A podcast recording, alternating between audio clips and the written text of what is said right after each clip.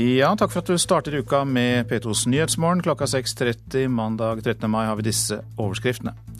LO ber regjeringen vente med å åpne grensene for arbeidsinnvandring fra Kroatia når landet blir medlem i EU fra 1.7. Nå får også Venstre og Kristelig Folkeparti være med på lunsjmøtene til Høyre og Fremskrittspartiet.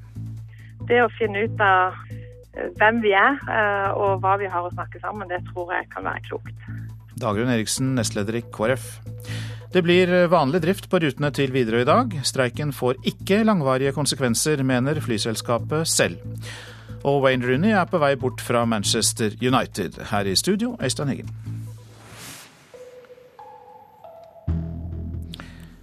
LO ber regjeringen vente med å åpne grensene for arbeidsinnvandring fra Kroatia når landet blir med i EU 1.7.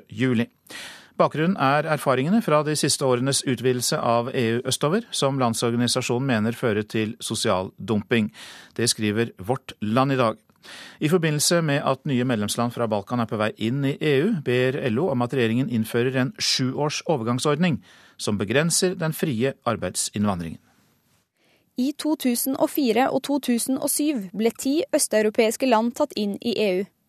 Dette har ført til økt arbeidsinnvandring til Norge, som gjennom EØS-avtalen deltar i EUs indre marked, som gir fri flyt av arbeidskraft. Nå ber LO regjeringen om å innføre en overgangsordning som kan stenge grensene for kroatere i inntil syv år. Arne Solbakken, nestleder i LO, sier at en overgangsordning vil minske sjansene for at arbeidsinnvandrere blir utsatt for sosial dumping, og sikre at de får komme hit under ordentlige lønns- og arbeidsvilkår. Men NHO er ikke enig. Toril Lødemel, avdelingsdirektør for arbeidsliv i organisasjonen, mener den norske arbeidslivsmodellen er robust nok til å takle økt arbeidsinnvandring. Både Tyskland, Storbritannia og Nederland har innført overgangsordningen, men Sverige og Finland vil derimot ha helt åpne grenser. Det samme ønsker NHO. Både NHO og Virke mener at en overgangsordning vil bety mer papirarbeid, og at erfaringer etter EUs utvidelse i 2004 viser at ordninger som dette ikke begrenser arbeidsinnvandringen noe vesentlig. Sa reporter Thea Nordén Dahl. Nestlederne i Venstre og Kristelig Folkeparti vil gjerne være med når de blå-blå treffes til lunsj. Nylig fortalte NRK at Høyre og Fremskrittspartiet har hatt jevnlige hemmelige lunsjmøter, uten å ta med de andre potensielle samarbeidspartnerne. Eh, men når neste lunsj arrangeres, er alle invitert, og KrF og Venstre stiller gjerne opp. Jo, jeg kommer til å svare ja. Jeg syns det, det, er lurt. Nei, Hvis jeg blir invitert på lunsj med hyggelige kollegaer i andre partier, så, så kommer jeg til å svare ja så sant jeg har tid. Terje Breivik fra Venstre, Dagrun Eriksen fra KrF og de to andre nestlederne stiller gjerne sulten med kolleger fra Fremskrittspartiet og Høyre. Så langt har de bare vært invitert med én gang, utover det har det bare vært Høyre og Frp som jevnlig har spist sammen i hemmelighet det siste halvannet året. Jan Tore Sanner og Ketil Solvik-Olsen er blant lunsjkameratene. Det å ville styre landet sammen betyr jo òg at en bør kjenne hverandre og ha tillit til hverandre. og Det gjør han ved å være sammen. Da er det OK for oss å kunne møtes over, eh, over en lunsj. Hvem som skal i regjering hvis det blir maktskifte til høsten, vet ingen. Og Høyre ville ikke invitere med KrF og Venstre før de hadde avklart synet sitt på regjeringssamarbeid. På den ene sida syns jeg det har vært respektfullt av Høyre å ha respekt for at vi ikke hadde avklart eh, vårt eh, regjeringsalternativ og vårt vedtak på det. Og på det andre så tenker jeg jo at de har jo eh, kanskje litt mer å, å, snakke sammen enn det vi har hatt. Med Høyre, KrF, Venstre har stått sammen i regjering før. Vi vet hva vi får. Men at det kanskje har vært litt større eh, avstand og forskjeller mellom de to. Så det er jeg ganske avslappa på. Men på neste lunsj før sommeren blir alle invitert. Nyttig og klokt før eventuelle regjeringsforhandlinger, tror Dagrun Eriksen. Det å finne ut av eh, hvem vi er eh, og hva vi har å snakke sammen, det tror jeg kan være klokt. Hvis vi ikke må begynne med å bli kjent, så får en begynt mye mer på politikken ganske tidlig. Også tidligere har det vært forsøk på å bli bedre kjent på borgerlig side, annet gjennom en såkalt rødvinskanal. Så fasjonabelt er det ikke til borgerlig lunsj, kan Terje Breivik røpe fra den ene gangen han var med. Så vidt jeg husker, så åt jeg fiskesuppe og drakk vann. Og det kan ha vært begynnelsen på den fire partistore Sjømatkanalen. Jeg, jeg håper jo på noe sørlandsk vri med noe rekesmørbrød, så er jeg klar. ok, får vi se hva menyen blir. Reporter Sigrid Solund. En mann i slutten av 20-årene er pågrepet for å ha tent på to branner i Vilses gate i Oslo i natt. Politiet fikk melding om den første brannen ti på halv tre, og rundt halvannen time seinere gikk alarmen igjen på samme adresse. Brannvesenet fikk fort kontroll over brannene. Politiet vurderer å stenge Europavei 16 ved Bolstadøyri i Hordaland pga. et steinras. Politiet fikk melding om steinraset like over klokka to i natt. Vaktoperatør ved Statens vegvesen, Tore Tysse, sier de nå har folk i området for å sjekke fjellet. Ja, Ved lokale plasser som heter Vetlevik så er det kommet ned noe stein i veibanen som har skadet autovernet litt. Det er det vi vet som såpass foreløpig. Hva skjer med veien? Eh, veien er fremdeles åpen. Vi har folk ute så, eh, på lytteposter som eh, lytter om det er mer som skal kjent å rase. Nå blir det tatt en avgjørelse om veien blir stengt? Det blir en lysner for vi får folk opp og får vurdert om, om, det, om det er fare for at det kan komme ned noe mer. Widerøe legger opp til vanlig drift fra og med i dag. Streiken har kostet flyselskapet mye, men vil ikke få langvarige konsekvenser, sier informasjonssjef Silje Brandvold. Er klart at, at det er først nå vi begynner å gjøre opp regnskap for å finne ut hva den har kosta. Men anslagsvis så regner vi med at denne streiken har kosta oss mellom 10 og 20 millioner i uka. Streiken blant de kabinansatte i Widerøe har kosta selskapet dyrt. Informasjonssjef Silje Brandvold tror likevel ikke kostnaden får store konsekvenser for selskapet. Det er jo tapt inntekt, det er jo et tap. Men, men altså, det, har noe, det, har jo ikke noe, følger utover det. Det, jo, eh, det, jo et, det betyr jo et lavere resultat. Og Widerøe får støtte fra professor ved Norges handelshøyskole, Siri Pettersen Strandenes. Widerøe har jo den delen av SAS som har gått med overskudd, så det betyr vel nå at de får et litt lavere overskudd. Men, men jeg tror neppe det har så veldig lang virkning, fordi at de de har ikke så mange konkurrenter på mange av rutene sine. Silje Brandvold sier at Widerøe nå legger opp til vanlig drift fra og med i dag. Vi jobber fremdeles med å få en del crew i posisjon, men så langt så, så har vi god tro for at trafikken vil være i hvert fall tilnærmet normalt på mandag. Selvfølgelig følg med på, på hjemmesida vår på Fly i rute og, og, den informasjonen som er der, men i utgangspunktet så kan de regne med at trafikken går som normalt. Flyplassene Mehamn, Honningsvåg, Vadsø, Vardø, Svolvær og Brønnøysund er fortsatt ramma av streik blant bakkemannskaper. En streik hvor Widerøe ikke er part. Brandvold sier at de vil forsøke å hjelpe reisende til disse flyplassene. De får tilbud om, om transport. Eh, det blir satt opp eh, busstransport til nærliggende lufthavner. Ja, informasjonssjef eh, i Widerøe Silje Brandvold der, og reporter var Jo Grunde Gudbrands. For femte gang arrangeres Oslo Freedom Forum. I dag og fram til onsdag så skal mange av verdens mest innflytelsesrike dissidenter og menneskerettighetsforkjempere og journalister møtes til konferansen i Oslo. Og Tina Shagufta Kornmo, du er styreleder i LIM-nettverket, som altså er en av partnerne for eh, forumet, og eh, dere arbeider for å fremme innvandrernes deltakelse i det norske samfunnet. Dette er jo etter hvert eh, blitt et omfattende forum for å drøfte menneskerettigheter bl.a. Og hva oppfatter du som hovedformålet? Hovedformålet det er å sette et økt fokus på menneskerettigheter og sette det på den internasjonale agendaen. Eh, når disse aktivistene møtes i Oslo, så blir stemmene deres sterkere. De eh, inspirerer hverandre til å fortsatt eh, kjempe for en friere verden. Har du noen eksempler på at denne konferansen har ført til positiv effekt? Det har det. Eh, det beste eksempelet er jo en av de som kommer i år, som heter Ali Abdulemam, som skal delta under pressekonferansen i dag. Det er et konkret eksempel på en som har blitt hjulpet av eh, initiativtakerne til Oslo Freedom Forum, Tore Halvorsen. Han har fått hjelp til å komme seg ut av Bahrain, han har fått hjelp til å få asyl i Storbritannia, og kommer nå i dag for å fortelle sin historie. Det er andre eksempler også, som f.eks. Manal al-Sharif, som eh, eh, kjørte bil og trosset eh, overmakten i Saudi-Arabia. Hun har jo fått hjelp til å nå ut til flere mennesker og på den måten øke sin slagkraft. Har dere spesielle temaer år for år? Altså, er det noe helt spesifikt i år som er viktig? Eh, overskriften i år er 'Challenging Power', eh, men det er jo de samme tingene som går igjen. Eh, og det er kampen for ytringsfrihet, kampen for demokrati, rettferdighet og frihet. Disse tingene går igjen hvert eneste år. Og man skal ikke glemme at disse aktivistene kommer jo ofte fra autoritære regimer, hvor de risikerer mye, selv livet sitt, for en liten, enkel, uskyldig twittermelding. Eh, veldig mange av disse her, de, eh, de, snakker om ytringsfrihet først og fremst, men også om helt elementære menneskerettigheter. Og så har dere vel også da folk som representerer den arabiske våren, og det er spesielt en dame fra Egypt som kan ha noe interessant å bidra med i dag, har jeg forstått? Ja, det er jo flere eh, som eh, rapporterer eller som har eh, noe å fortelle fra den arabiske våren. Eh, det er journalister som har vært der og som kommer for å fortelle. Eh, det er også en egyptisk-finsk eh, kvinne, Soraya Bagat, som har bl.a. vært initiativtakerne til Tahrir Bodyguards. Eh, hun eh, har jo tatt dette initiativet for å styrke kvinnene som har deltatt i demonstrasjonene på Tahrir-plassen. Og tidligere i to år så har Oslo Freedom Forum hatt besøk av eh, Mona Eltahavi, som har vært på Tahrir-plassen, og som selv har blitt skadet og har rapportert om hvordan kvinner blir seksuelt trakassert under demonstrasjoner.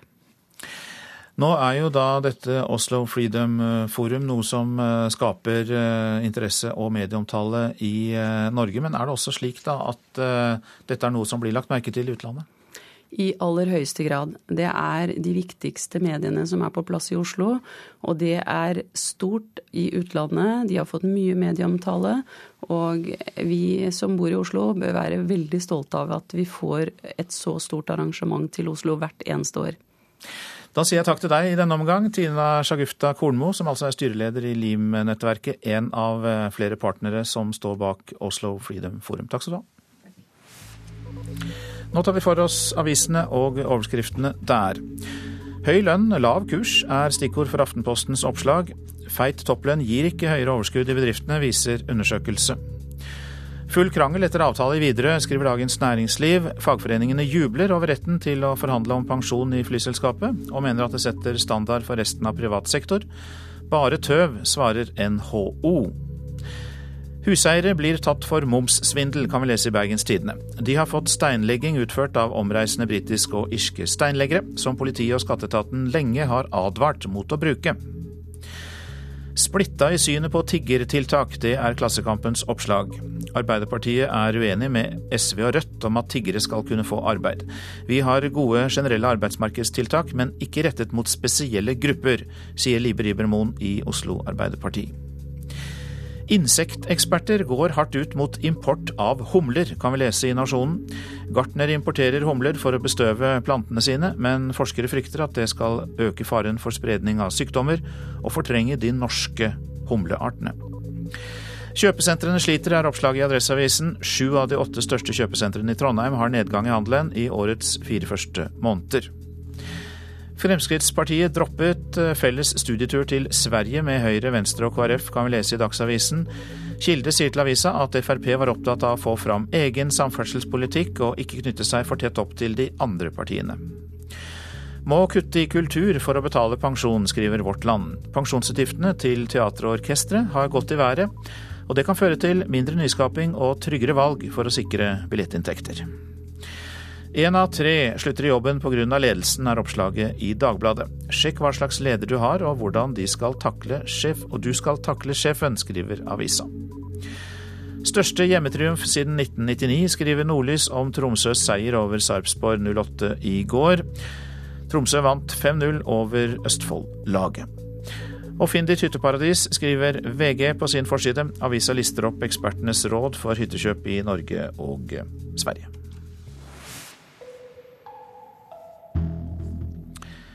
I kjølvannet av at eh, sir Alex Ferguson i går eh, takket av etter 26 år i Manchester United, har også en annen av fotballagets profiler bestemt seg for å forlate klubben.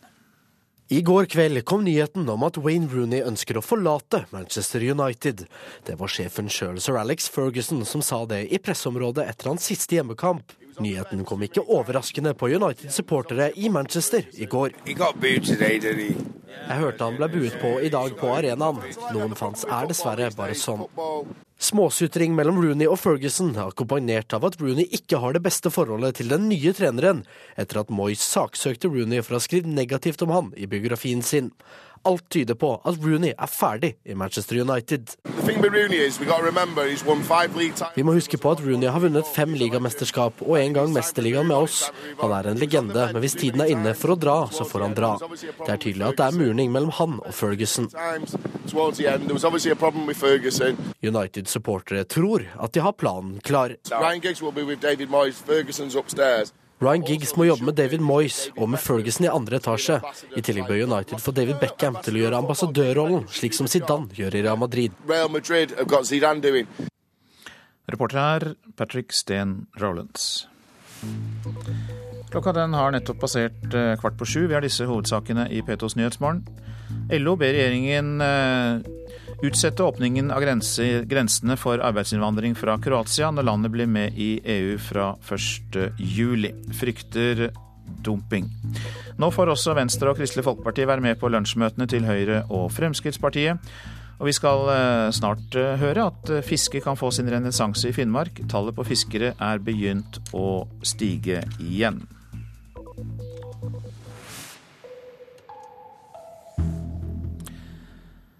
Brannsjefen i Stranda i Møre og Romsdal, Steinar Belsby, frykter at folk kan brenne inne i omsorgsboligene i kommunen.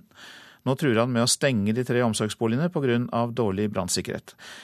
Belsby sier at mange av de som bor i disse boligene ikke klarer å komme seg ut selv, og at det kan bli fatalt. Det verste som kan skje, er at folk kan bli eh, røykforgifta eller brenne inne, og i verste fall omkomme på slike plasser. For brannsjefen mener at de som bor på de tre omsorgsbostadene i kommunen, lever farlig. Ifølge avisa Sunnmøringen har pasientene blitt stadig dårligere de siste åra, og mange klarer ikke å komme seg ut sjølve dersom noe skulle skje. Belsby sier det er dårlig med bemanning på institusjonene, og at det vil ta tid før brannvesenet rekker fram. Nå truer han og brannmeister Inge Teigen med å stenge institusjonene. Ordfører Jan Ove Tryggestad vedgår at de ikke har gjort nok. Hovedårsaken til det er eh, det fokus vi har på økonomi. Og, og behov for å, å, sikre økonomien i kommunen. Og så har vel da forskjellige andre ting dessverre ikke blitt fulgt opp. Brannsjefen hevder at politikerne har ignorert kommentarene om dårlig branntrygghet i årevis, men tror truslene om stenging vil ha effekt. Ja, det er klart Vi oppfatter vel det vi sendte ut en nokså skarp eh, varsel, og vi forventer egentlig at det, dette her blir retta opp for forholdsvis eh, i det næreste. Reporter her, det var Synnøve Hole. Fiske kan få sin renessanse i Finnmark. Det tror styreleder Bernt Aksel Jensen i Vadsø havn. Etter mange år med nedgang, så har antall fiskere nå begynt å stige i Finnmark igjen, i motsetning til resten av landet. Jensen tror at etter hvert kan komme en større opptur. En 35 Finnvik fra 96 og en fantastisk god sjøbåt. Brei og, har mulighet til å ha mye forskjellig bruk. Da. Så det er stort potensial. Brødrene Jørgen og Morten Gressmyr investerte 2,3 millioner i den nye fiskebåten i januar. De har begge drevet med fiske noen år, og nå var tiden moden for å skaffe seg noe større for å kunne satse friskere for de 37 år gamle tvillingene. Vet, vi hadde ikke sjanse fra sånne småbåter, det var ikke hæren. Så det var enten å, å satse eller legge opp. Det er enten eller. Og det er nå stadig flere finnmarkinger som frister lykken på havet etter mange års nedgang i antall fiskere. Mens nedgangen vedvarer ellers i landet, stiger antallet i Finnmark, og ved årsskiftet var 1097 fiskere registrert her i fylket. Det gleder styreleder i Vadsø havn, Bernt Aksel Jensen. Jeg er opptatt og oppvokst i et fiskerimiljø, og har lange tradisjoner i, i å ja, rett og slett verdsette den kystkulturen som fiskerinæringa representerer, og syns at uh, vi, den må vi holde fast på. For det er jo en av Finnmarks store og tunge bærebjelker. Og for å tilrettelegge best mulig for fiskerne, har Vadsø kommune nylig fullført en oppgradering av fiskebrygga. Ny molo, nytt fiskebruk, bunkringsanlegg og egne båser med strømuttak for båtene har kommet i tillegg til utbedringer på kaianleggene i Krampenes og Vestre Jakobselv. Alt i alt må jeg kunne si at uh, fiskerinæringa har fått en stor oppmerksomhet Og det lykkes, det som vi har planlagt å gjøre, det er nå gjennomført. Og brødrene Gressmyr er fornøyd med kaiforholdene. Ja, sånn som det blir her i havna nå, så er det jo blitt eh, fantastisk eh, forhold. Det nye anlegget her med de nye båtplassene, det, det skal man lete lenge etter å få noe bedre. Et slapt marked og lave priser gjør det noe mindre lukrativt å være fisker nå enn det ofte har vært. Men på lengre sikt har Jensen tro på en videre opptur for Finnmark, etter at den langvarige negative trenden nå så smått har begynt å snu. Hvis vi nå ser over den økonomikrisa som er i Europa, og ser kanskje litt fremover i tid, så ønsker man jo å få fersk fisk av god kvalitet brakt ut på markedene så snart som mulig. Og da er jo Finnmark i en særstilling som har nettopp alle de forutsetningene som, som, er for å lykkes. Så jeg har tro på at eh, fiskerinæringa og kystfiskeriene kan få sin renessanse, og håper at den kommer, eh, kommer fort, slik at eh, kystsamfunnene igjen kan begynne å vokse og komme tilbake til sine gamle storheter. Og vi garner. Så har vi garnrenner. Garnhaler. Ja, sløyebinger. Og god kvalitet er det brødrene Gressmyr satser på. Så langt har tilbakemeldingene fra mottaket vært positive, og videre fremover er planen å rigge om båten for å kunne heve kvaliteten på fisken ytterligere.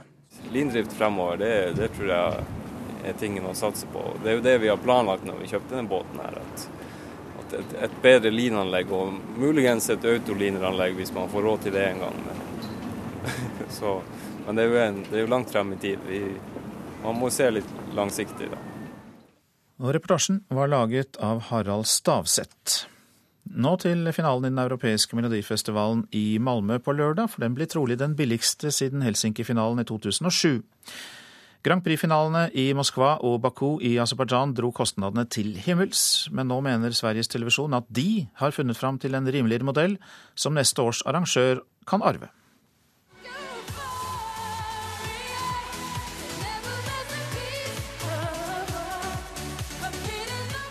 Da svenske Lorraine sang seg ut på rulleteksten til applaus og konfetti som vinner av Eurovision Song Contest i Baku i fjor, hadde Grand Prix-uken nådd en prislapp på rundt 270 millioner kroner.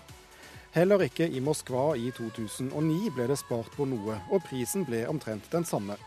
I år sier Sveriges Televisjon at de to semifinalene og finalen i Malmö ikke skal koste mer enn 125 millioner svenske kroner. Prosjektleder for Eurovision-finalen, Martin Østerdal, sier det er viktig å ikke glemme den økonomiske uroen i Europa. Det finnes mange länder i Europa som ikke har en lika velmående ekonomi som Sverige eller Norge. Det finnes mange public service-bolag i Europa som ikke alls har samme resurser som NRK eller, eller Sveriges Television. Og For dem er det kostsamt å være på resa i upp till två veckor med en delegation på 30 personer. Så att vi forsøker hitta sätt att gjøre det där billigere i samarbete med EBU for att det ska bli en mer finansielt holdbar modell. SVT har kuttet der de kan. Først ved å legge arrangementet til Malmö, som har langt hyggeligere hotellpriser enn Stockholm. Det er kuttet litt i servicetilbudet, bl.a. åpner pressesenteret fire dager senere enn vanlig. Og prøvetiden er kuttet med én dag. En dags skillnad i repetisjonsprogrammet for en delegasjon fra f.eks. Albanien eller Moldavien, det er ganske mye penger for dem. Uh, og det, det, skal man ha respekt for. Men Østerdal understreker at de ikke gjør kompromisser på kvaliteten på selve TV-sendingene.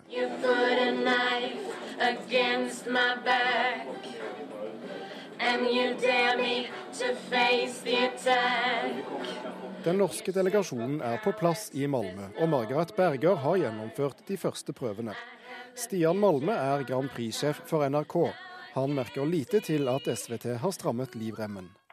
Det merkes i hvert fall ikke noe på organisasjonen rundt, for eh, vi møtte et veldig effektivt apparat eh, når vi kom inn. Portugal, Polen og Bosnia-Hercegovina deltar ikke i år fordi det ble for dyrt for dem. Hellas og Kypros varslet først at de måtte bli hjemme, men har ombestemt seg. SVTs prosjektleder Martin Østerdal sier at det nettopp nå, når flere land er i økonomisk krise, er viktig at Europa står sammen gjennom Eurovision Song Contest. Hele vår visjon om Eurovision 2013 er veldig mye Europatanken. At vi er We are one i vår slogan. og uh, Det er det som er så spesielt med Eurovision Song Contest. og vi vil jo at det här skal leve kvar, og at det skal kunne finnes kvar i 58 år til. Reporter Thomas Alvarstein Ove.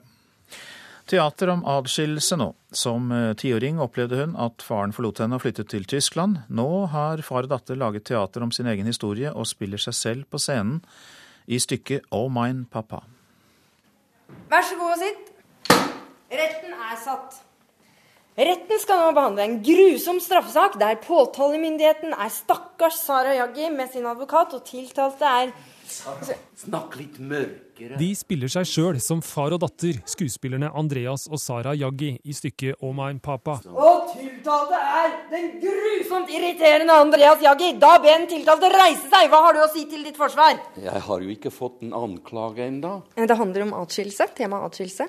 Og bakgrunnen for historien er min og min fars egen historie. Fordi pappa reiste fra Norge når jeg var ti. Og da besøkte jeg ham bare jul og sommer. Det hadde vi lyst til å fortelle noen ting om. Sier skuespiller Sara Jaggi, bosatt i Hamar. Er du klar, pappa? Ja da, ja da. Nå, nesten 30 år etter, ville hun lage et teaterstykke om hvordan det kan føles for et barn når foreldrene skiller seg. Ønsket mitt er kan, kan det være at ved å vise noe sånt, hvis det sitter andre barn i salen som også stenger ting inne, kan det at de ser vår historie, gjøre at de liksom får litt styrke, da? Tørre å, å være seg sjøl eller reagere og føle at det er greit at de føles sint på den som dro, f.eks. Eller være lei seg, eller at de tør å åpne opp, si noe om det. Det er hovedanliggendet mitt, egentlig. Faren Andreas Jaggi sier det er tøft å spille seg sjøl i stykket. Jeg blir, hva sier man på tysk, brugelknabe. Og det er jo delvis også sånn, men jeg må tåle det. Må ta ansvaret også for mange ting jeg gjorde i mitt liv. Kapittel 5, paragraf 31 b, ledd 9 lyder som følger. Stikker du av fra barnet ditt, skal du straffes med inntil 20 års fengsel. Er du skyldig? Det som vi merker, både pappa og jeg, tror jeg, at vi blir innmari slitne av prøvene. Det å gå på et så personlig tema. Vi leker liksom rettssak i stykket. Så skulle jeg finne på anklager, da til pappa. Og det, det, kjente jeg at det var jo veldig Jeg følte meg litt slem da, ikke sant. Det var vanskelig. Jeg har ofte hatt ønske å kunne forandre forholdet mitt til Sara. Et vanlig barn ville ha smilt eller ledd, men her sitter Sara. Oh Mine Papa er en tøysete forestilling for barn om et alvorlig tema. Hva gjør adskillelse med oss? Når man kan le over tingene som er vondt, da får man dem litt bort fra seg selv. Jeg håper det skal sitte igjen med at det er ikke meg det er noe galt med. Ja, vi hørte altså om Sara og Andreas Jaggi. Reporter var Stein S. Eide.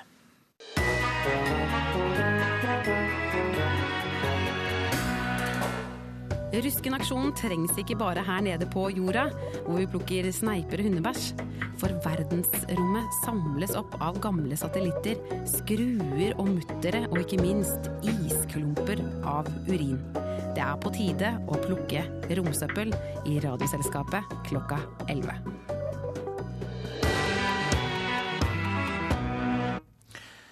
Værvarselet har vi ikke glemt, og da starter vi med Langfjella. Sørøstlig liten kuling, regn, snø over 1000 meter. Utpå ettermiddagen lettere vær i Langfjella.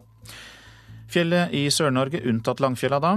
Opphold fra ettermiddag sørøstlig liten kuling, regn, snø over 1000-1200 meter. Så var det Østlandet. Enkelte regnbyger, ellers stort sett opphold. Lokale tåkeskyer kan det bli. Fra i ettermiddag sørøstlig til dels liten kuling på kysten. Det blir regn fra i ettermiddag, først i vest, og lettere vær sør for Oslo.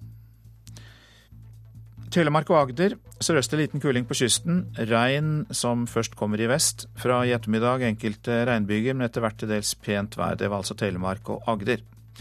Rogaland sørøstlig stiv kuling og regn. I kveld regn eller haglbyger og snøbyger i fjellet. Hordaland og Sogn og Fjordane nå sørlig sterk kuling og regn. Fra i ettermiddag regn eller haglbyger, snøbyger i fjellet. Så til Møre og Romsdal. Stort sett oppholdsvær der. Seinere på dagen blir det regn og regnbyger og snø i fjellet. Trøndelag opplever stort sett pent vær i dag. I kveld enkelte regnbyger i sør, ellers opphold. Helgeland, Saltfjell og Salten kan hende litt regn i Salten først på dagen, ellers lettskyet pent vær. Ofoten, Lofoten, Vesterålen og Troms. Østlig liten kuling. Fra ettermiddag oppe i stiv kuling på kysten i nord. Forbigående litt regn. Finnmark østlig liten kuling. Utover dagen litt regn på vidda, eller stort sett opphold. På kysten noe sol. Og Nordensjøland på Spitsbergen pent vær. Temperaturer fra klokka fem i natt. Svalbard lufthavn minus tre. Kirkenes 1 plussgrad, Varde 5, Alta 4, Tromsø 5, Bodø 10. Brønnøysund og Trondheim-Værnes 8 grader, Molde 6. Bergen-Flesland og Stavanger begge 7. Kristiansand har vi ikke fått inn, men Gardermoen hadde 6 grader, Lillehammer 5, Røros 3 og Oslo-Blindern 7 grader klokka 5 i natt.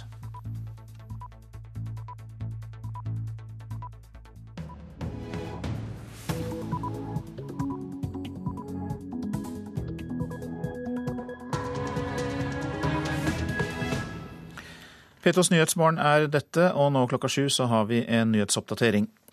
NSB får bare beholde halvparten av pengene de tjener, resten tar staten. Men vi trenger pengene selv, sier konsernsjef i NSB Geir Isaksen. Vi har jo anbefalt staten om å ikke ta utbytte pga. at NSB står foran veldig store investeringer i nye tog bl.a. Det vil være riktig å la mest mulig penger ligge igjen i selskapet. Noen folk er så pågående når de klager på det offentlige at det kan føre til forskjellsbehandling. Det sier sivilombudsmann Arne Fliflett. Vi skal ikke gi noen noe fortrinn eller særbehandling fordi at de må være særlig pågående. Men de som arbeider i forvaltningen er jo ikke annet enn mennesker, de heller. LO ber regjeringen vente med å åpne grensene for arbeidsinnvandring fra Kroatia når landet blir med i EU fra 1. juli. EUs fattigste land, Bulgaria, står overfor stor politisk usikkerhet etter gårsdagens valg. Ingen av partiene fikk noe klart flertall. Stadig flere foreldre i Rogaland melder barna sine inn i boligbyggelag for å sikre dem forkjøpsrett i en framtidig boligkamp. Tre måneder gamle Mathias har allerede flere ukers ansiennitet, forteller faren hans, Morten Frafjord. For han så betyr det en, en, en lett og en nøkkel for å komme seg inn i markedet.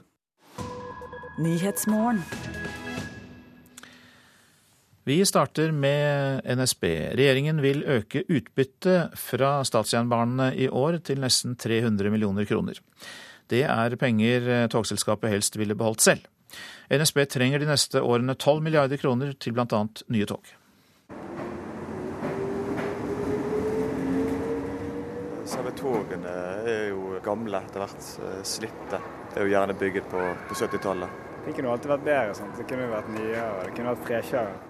Mange togpendlere på Bergen stasjon er lei av slitte tog. Og NSB har et behov for å investere milliarder det neste tiåret, sier konsernsjef Geir Isaksen. Ca. 12 milliarder kroner, inklusiv det vi nå kjøper av tog. Men fordi NSB tjener mer penger enn anslått, foreslår regjeringen i revidert nasjonalbudsjett at utbyttet fra togselskapet skal økes med 120 millioner kroner, til nesten 300 millioner. Vi har jo anbefalt staten om å ikke ta utbytte pga. at NSB står foran veldig store investeringer i nye tog bl.a. Det vil være riktig å la mest mulig penger ligge igjen i selskapet. Men nå forsvinner altså nesten én av to kroner NSB tjener, rett inn i statskassen. Og Det vil vi innrette oss på, selvfølgelig. Det skulle bare mangle. Og Vi er glad for at vi har såpass resultat at vi kan betale et skikkelig utbytte til staten. Men det vi tenker er at det er viktig for oss å ha en forutsigbarhet når det gjelder vår evne til å gjennomføre de investeringene som er planlagt. Statssekretær Geir Pollestad i Samferdselsdepartementet forsvarer likevel utbytteforslaget. Vi har en langsiktig utbyttepolitikk som sier at vi tar 50% utbytte. Hver selskap har nok lyst på mest mulig penger. Vi er opptatt av å både sikre NSB sitt behov for kapital, og sikre statens og eierens andel av inntektene. Og uansett hva NSB får beholde av egne inntekter, har opptil flere bergensere ideer om hva togkronene bør brukes på. Ja, de kunne trengt litt oppdatering av, av nettet. På Vestlandet i hvert fall. De bruker altfor mye på Østlandet. For oss i vest så føles ikke det rett hva man har på andre siden. I hvert fall ikke når jeg ser hvilke tog som, som kjører til Oslo og, og, og, og østpå. da. Man bør òg satse på, på, tog her òg, og ikke bare tenke øst, øst. Det blir litt feil.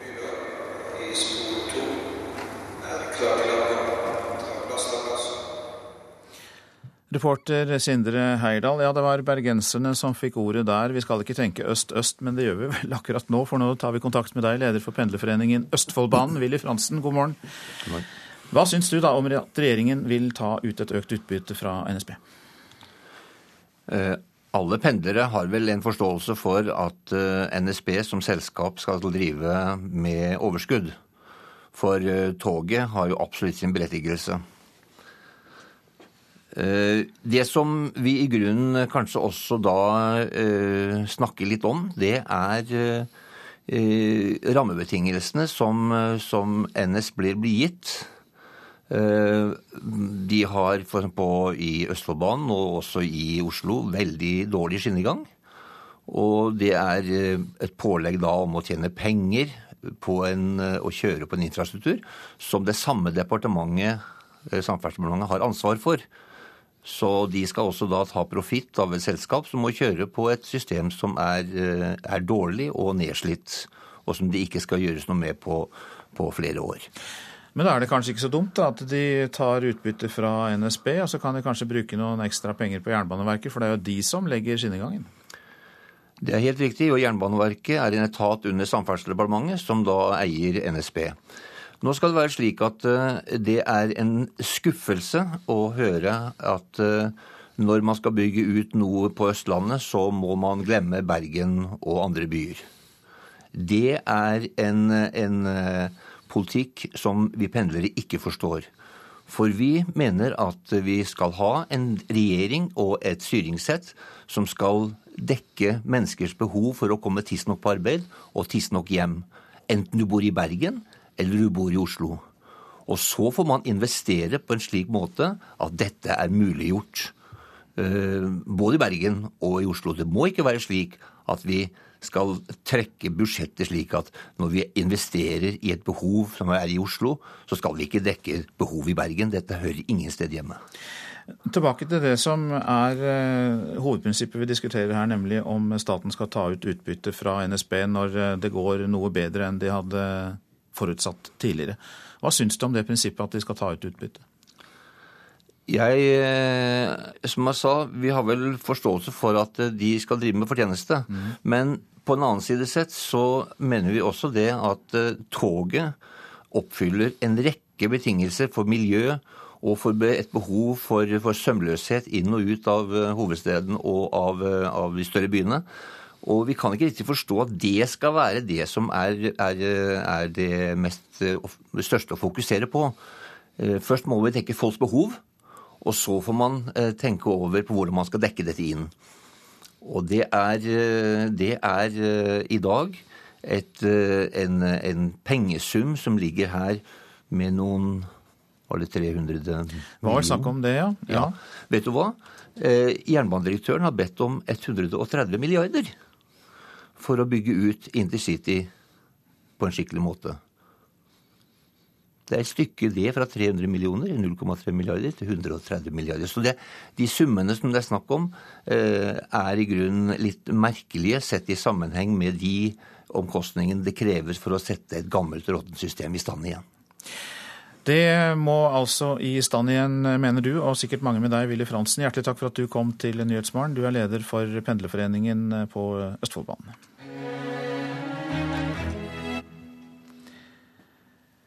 Nå om eh, klagere, for enkelte er så ivrige på å klage på vedtak fra det offentlige at det går utover andre klagere og eh, øvrige oppgaver. Det mener Sivilombudsmannen, som i fjor registrerte at en og samme person klaget på 63 vedtak. Også fylkesmennene opplever større pågang fra intense klagere enn tidligere. Faren er at vi kan komme til å behandle klagerne ulikt, fordi noen få tar mye oppmerksomhet. Ja, det sier sivilombudsmann Arne Fliflet. Vi skal ikke gi noen noe fortrinn eller særbehandling fordi at eh, de må være særlig pågående og, og, intense. Det vil ikke være riktig mot de andre, som er forsiktige og beskjedne. Sivilombudsmann Arne Fliflet setter søkelyset på det han selv velger å kalle utfordrende klagere. Mennesker fra alle sosiale lag som er mer iherdige enn andre når det gjelder å klage på avgjørelser fra den offentlige forvaltningen. De er et fåtall, men de er der. Det sier fylkesmann i Oslo og Akershus, Valgjerd Svarstad Haugland. Og det er klart at De bruker mye energi for at vi skal se på deres saker. Og så ønsker vi egentlig å ta saken i tur og orden. I likhet med Arne Fliflet mener hun at tallet på intense klagere øker. Med den digitale verden, der det er lett å sende brev, lett å sende e-poster, og du sender kopi til både Kreti og Pleti, så det er det klart at eh, dette her har økt i omfang. Enkelte av klagerne lider av psykisk sykdom, men også forvaltningen har et ansvar for å opptre profesjonelt, slik at ikke flere utvikler en krevende atferd, sier Flyflett. De som arbeider i forvaltningen er jo ikke annet enn mennesker, de heller.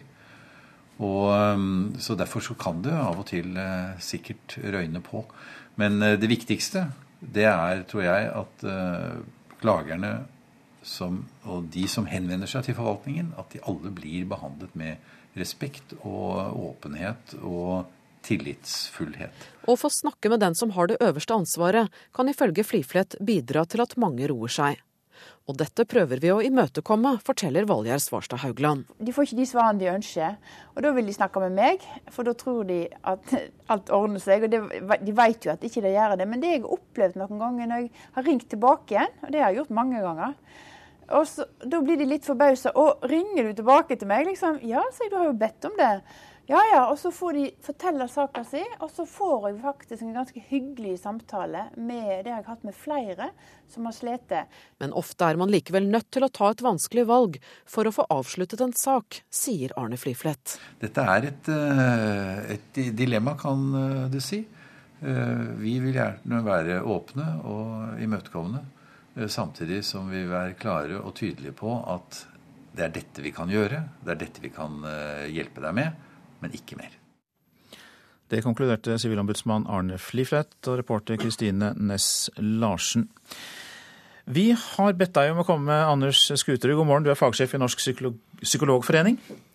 Og vi hørte jo at det er tidkrevende klagere, og de er i og for seg fra alle sosiale lag, men at noen av dem også kanskje lider av psykisk sykdom. Kan du hjelpe oss å fylle ut bildet av eh, hvilke typer mennesker det er?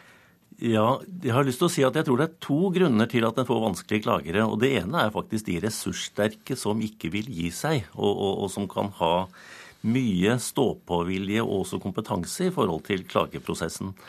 Den andre gruppen er nok de som av ulike grunner føler seg svært krenket av de avslag som gis. Og det er klart Dette er ofte veldig viktige avslag. Og mange av oss forventer jo også at uh, si staten skal være vennlig mot oss, altså at myndighetene skal behandle oss, og så opplever en ting som virkelig kjennes urettferdig eller krenkende. Og for noen som da har med seg en bagasje, så kan dette utløse også gamle opplevelser av krenkelse. Og da kan alle disse gamle, vonde tingene samle seg i den ene saken en står overfor. Og da er det slik at noen mennesker blir så hengt fast i dette at de kan produsere utrolig mye materiale. Og når det da i tillegg bare er et tastetrykk unna å sende, så, så kan en få personer som, som, bruker veldig mye energi, veldig mye, mye, mye krefter på å fremme sin sak. Og for noen så går dette over i galskap, slik at uh, vi kan nok se ting som kommer til kongen og til Stortinget og til nedover og til Sivilombudsmannen. Ja, sett i lys av det, hvor viktig er den ekstra telefonen som uh, fylkesmann Valgjerd Svarstad Haugland tar av og til, da, som vi nevnte her? Altså Jeg tror det er viktig å si til alle instanser at de bør opptre vennlig og tydelig. Og at uh, det jo er lett å forsterke disse krenkelsene ved at det er vanskelig å komme til saksbehandlere. Det er sentralbord som innimellom kan være ganske også både vanskelig å nå og uhøflige. Og det kan være språk i avslag, om det er fra kommune eller fra Nav eller andre steder, som, som faktisk er veldig vanskelig tolkbare. Sånn at de offentlige etatene også selv bidrar til denne utviklingen, den økningen i klager? Jeg tenker de har et betydelig potensial i forhold til det å behandle borgerne vennlig og tydelig. I Ombudsmannens årsmelding så beskrives jo utfordrende klagere som et internasjonalt fenomen. Hvordan tror du at dette kommer til å forme forvaltningen både her i landet og andre steder framover? Altså Noe av det som er bekymringsfullt, er jo at den skaper større avstand til eh, enkeltindividet fordi en eh, får mange krevende saker. Og jeg tenker det er veldig viktig at en også tar disse personene alvorlig og kan behandle det profesjonelt. Men det må være lov til å si nei etter noen runder, altså på en vennlig og god måte. Men, men eh, en kan ikke behandle samme sak eh, fryktelig mange ganger. Det tar for mye tid og ressurser. Ja, så Av og til så må man vel bare si at eh, nå er det stopp, kort og godt? Ja. ja. Ok, det er det for oss også i denne omgang. Anders Skuter, hjertelig takk for at du kom, fagsjef i Norsk eh, psykologforening. Mer enn 50 fornærmede fra terrorangrepet mot AUFs sommerleir på Utøya 22.07 har ikke søkt om voldsoffererstatning, skriver VG i dag. Alle som var på øya under angrepet har krav på erstatning, ifølge Kontoret for voldsoffererstatning. Totalt dreier det seg om 15 millioner kroner utestående. Foreldelsesfristen er på tre år fra det tidspunkt hendelsen fant sted. Flere fornærmede etter angrepet på regjeringskvartalet har heller ikke søkt om voldsoffererstatning, ifølge avisa. De eh, kabinansatte i Widerøe fikk i helgen retten til å forhandle om egen pensjon. Nå mener fagforeningen Parat og YS at alle ansatte i privat sektor skal få rett til å forhandle om egen pensjon. NHO svarer med å kalle dette kravet for tøv. Det skriver Dagens Næringsliv. Norwegian lanserer bank i Sverige, skriver det svenske næringslivsavisen Dagens Industri. Ifølge avisen vil Bank Norwegian lanseres i Sverige i august. Og fete lederlønninger gir ikke overskudd for selskapene. Det viser en ny undersøkelse pensjons- og kapitalforvaltningsselskapet KLP har gjennomført, skriver Aftenposten. KLP har sett på 25 av de største selskapene på Oslo Børs, og har reagert på at lederne ser ut til å få bonuser uten at det kan påvises at de har æren for resultatene til eh, selskapet. Dette er Nyhetsmorgen. Klokka passerte nettopp 7.16. Vi har disse hovedsakene. Regjeringen vil øke utbyttet fra NSB. Det betyr at NSB bare får beholde halvparten av de pengene de tjener. Vi bør ikke automatisk åpne grensene for arbeidsinnvandrere fra Kroatia når landet blir med i EU 1.7, mener LO. Og det blir vanlig drift på rutene til Widerøe i dag. Streiken får ikke langvarige konsekvenser, mener selskapet selv.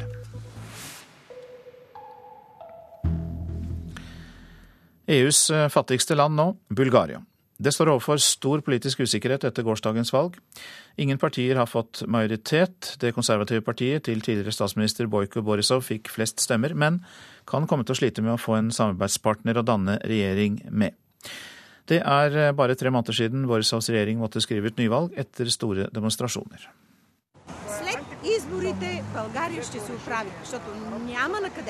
Jeg håper virkelig at livet i Bulgaria vil bli bedre etter valget, fordi nå har vi nådd bunnen, sier Sevda Stoitsova, som bor i Bulgarias hovedstad Sofia. Det er bare tre måneder siden hun og vennene demonstrerte mot den sittende regjeringen. Dårlige levekår, stigende arbeidsløshet og korrupsjon fikk henne og tusenvis av andre bulgarere til å protestere i gatene. 20.2 valgte statsminister Bojko Borisov å kaste inn håndkleet og skrive ut nyvalg. Nå etter valget vil det komme en folkerevolusjon. Folk vil fortsatt være arbeidsløse og sultne. Dette valget har ikke betydd noen ting, sier Georgi Ivanov på gata i Sofia. Han er bare én av mange skuffede velgere etter gårsdagens valg. Utenriksmedarbeider Guri Nordstrøm var det som eh, sa det. Og eh, en kollega av henne, utenriksmedarbeider Jan Espen Kruse, er kommet til studio. og Du har nettopp vært i Bulgaria. Så hvordan vil du beskrive folks forventninger til valget? Veldig lave. Det denne reportasjen viste, er, er, riktig. At eh, folk har ingen tro på at dette valget vil løse landets eh, problemer. Og at man vil komme noe videre. Situasjonen i, i Bulgaria er for forbausende ille. Eh, det er mitt inntrykk etter å ha vært der eh, en stund. Ja, Du har snakket med flere mennesker der, og det var til og med en person som satte fyr på seg selv i protest. Hvorfor? Ja, altså I løpet av denne vinteren så er det åtte mennesker som har satt fyr på seg sjøl. Og det er én av disse som har, har, overlevd. Og bakgrunnen er jo desperasjon. Altså, eh, Han jeg snakket med, sier at eh, de vet ikke hva de skal spise i morgen eh, utover eh, landet. Altså folk i landsbyene, i de mindre byene. Eh, de, de, aner ikke hva fremtiden vil bringe. Det, det er jo lønninger som ligger på rundt 3000 kroner, pensjoner rundt 1000, bensin bensin koster nesten det samme som i Norge. Eh, altså, det er forhold i et EU-land som er nærmest ubegripelig at, at, at kan fortsette. Men hvis vi tenker noen år bakover, så hadde vi jo flere østeuropeiske land som var del av den sovjetiske innflytelsessfære. Polen er jo en success story, får vi høre. Der går det skikkelig bra. Og så har vi Bulgaria helt i motsatt ende av skalaen. Så hva er bakgrunnen for at det er så stor forskjell? Ja, det er veldig vanskelig å forklare, men noe av det ligger i altså, kommunistsystemet. Polen eh, har vel ligget nærmere de vestlige verdiene hele tiden. Eh, Bulgaria, Romania har en sterkere tradisjon lenger østover. Eh, denne, dette med at politikere kommer til makta og stjeler det som fins av verdier i landet. Det er vel den holdningen eh, som står mye sterkere jo lenger østover du kommer. Og eh, blant befolkningen så er det jo en oppfatning av at er politikere og mafia er stort sett det samme. Og, og disse det er et samarbeid mellom de store selskapene, mellom politikerne. Alle rotter seg sammen om å, om å, ta verdiene, mens den store delen av befolkningen sitter igjen lutfattig. Nå fikk jo da de konservative rundt 31% av stemmene ifølge valgdagsmålingen, og sosialistene sånn rundt 27, i hvert fall de tallene som vi sitter på nå. Hvilke hovedutfordringer har da disse politikerne etter dette resultatet? Ja, Problemet er jo hvem skal de samarbeide med? Dette konservative partiet GERP eh, har ikke mange som ønsker å samarbeide med dem. Eh, det samme med sosialistene. Eh, de kan samarbeide med dette etnisk tyrkiske partiet, som får rundt 9% Men spørsmålet er vil det være nok til å forme en flertallsregjering. Det ser ikke ut til det. Og en litt annen ting. altså Hele denne protestbevegelsen startet jo med at strømprisene plutselig økte, ble doblet, tredoblet, særlig gjennom vintermånedene. Og, og folk som har da 3000 kroner, skulle kanskje betale en tredjedel og mer av lønningene sine i strøm.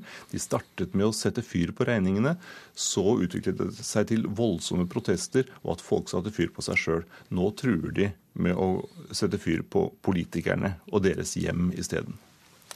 Mange takk skal du ha, Jan Espen Kruse, som altså orienterte oss om eh, siste nytt i eh, EU-landet Bulgaria, og om valget som da var eh, der i, i går. En leilighet i Skåne i Sverige ble rammet av en bombeeksplosjon i natt. Politiet opplyser at en kvinne som befant seg i leiligheten i tettstedet Skurup ble sjokkskadd. Bomben skal ha blitt kastet mot leiligheten og forårsaket en kraftig eksplosjon. Det skal ikke ha kommet noen form for trusler mot de som bor i leiligheten. Politiet i New Orleans jakter på tre gjerningsmenn etter at 19 mennesker i går ble skutt mot i en parade i byen. Det er ukjent hvorfor noen skjøt mot voksne barn som feiret morsdagen ved å gå i tog. To barn, en gutt og en jente, begge ti år, er blant de skadde. Ingen ble drept. Vitner beskriver minst en av gjerningsmennene til å være i alderen 18 til 22 år. Politiet i Los Angeles har pågrepet en tolv år gammel gutt for drapet på hans åtte år gamle søster tidligere i år. Gutten forklarte til politiet at han hadde sett eh, en fremmed mann komme løpende ut av huset, at han deretter fant søsteren knivstukket. Men politiet har ikke funnet spor etter noen fremmed gjerningsmann, og har derfor da altså konsentrert seg om tolvåringen. Det var i Los Angeles dette skjedde.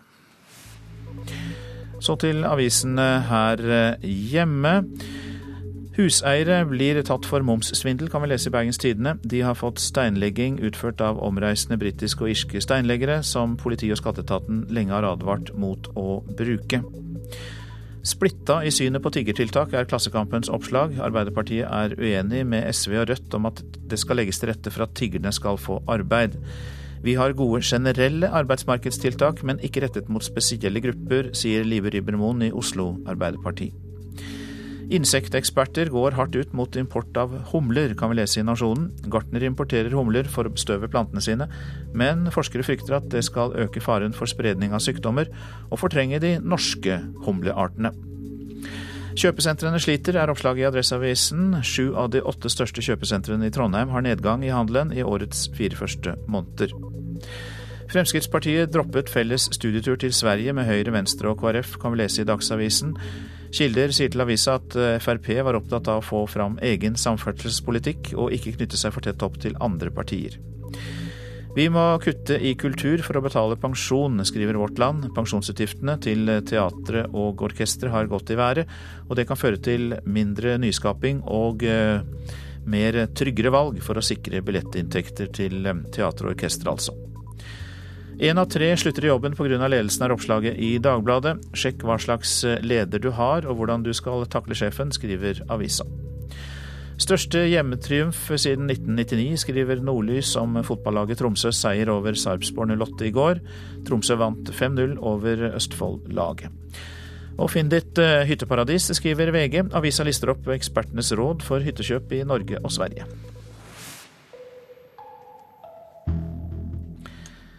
Stadig flere foreldre i Rogaland melder barna sine inn i boligbyggelag. Hittil i år har 74 babyer fått medlemskap i Stavanger boligbyggelag. For med medlemskapet så følger forkjøpsretten, som kan være et triumfkort i en framtidig boligkamp. Og dermed meldes barna inn så fort de ser dagens lys. Vi gikk inn på internett, og så trykte vi eh, 'gi gave', det tror jeg det var. Og så tenkte vi på Mathias. Det sier Morten Frafjord. Han er far til tre måneder gamle Mathias, som allerede har flere uker med ansiennitet i Obos boligbyggelag. For han så betyr det en, en, en lett og en nøkkel for å komme seg inn i markedet. Foreldrene har kjent på at boligmarkedet ikke er like lett, og ville sikre at etterkommeren sjøl har gode kort på hånd.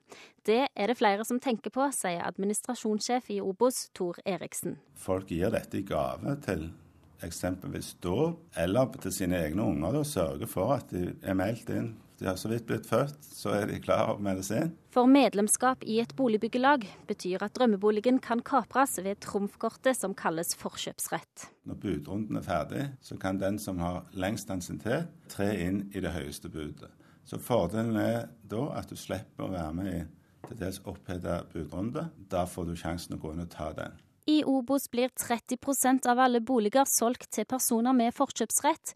I Stavanger boligbyggelag er tallet nærmere 40% Og stadig flere i Rogaland vil sikre barn og barnebarn denne muligheten. Vi har enormt mange som kjøper eh, medlemskap i dåpsgave. Mye mer enn tidligere. Det sier Cecilie Vatne i Stavanger boligbyggelag. Ca. en tredjedel av alle medlemskapene vi selger, er såkalte juniormedlemskap og flesteparten av de er babyer. Hittil i år har 74 barn under ett år fått medlemskap i Stavanger boligbyggelag, og har dermed bøttevis med ansiennitet når første bolig skal kjøpes. Men sjøl få dager som medlem kan gi en snarvei i boligkøen. Det er ikke alltid sånn at det er den lange ansienniteten som, som, gir utslag. Mange unge eh, benytter forkjøpsretten, stadig flere unge. Og da er det ofte en forskjell på noen dager eh, og gjerne noen uker som gir utslaget på, på om en får eh, leiligheten eller ei. Ok, Hvis vi går opp her, så går vi opp til Hemsen.